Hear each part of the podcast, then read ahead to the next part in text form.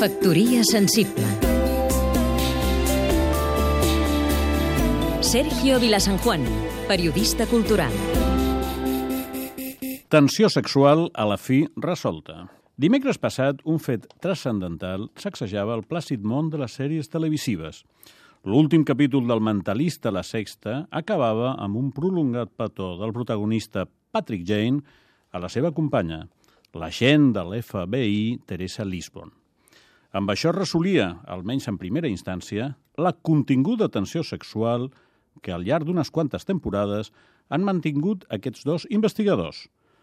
Patrick i Lisbon intrigaven l'espectador resolent crims i també mantenint entre ells una casta distància, malgrat l'atracció que, òbviament, sentien, per donar peu a l'especulació sobre les seves relacions.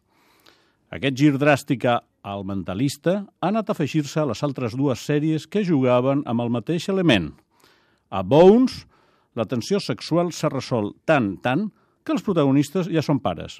A Castle, l'escriptor que dona nom a la sèrie i l'atractiva detectiu Kate Beckett estan preparant el casament després d'un llarg període de convivència. La pregunta del milió és, afecta això l'interès de les sèries? Al meu entendre, Bones i Castle tenen ara molta menys gràcia. Caldrà veure què passa amb l'excel·lent El Mentalista, però entenc la decisió dels guionistes.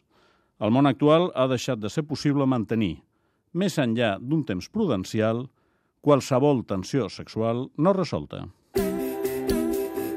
Factoria sensible Seguim-nos també a catradio.cat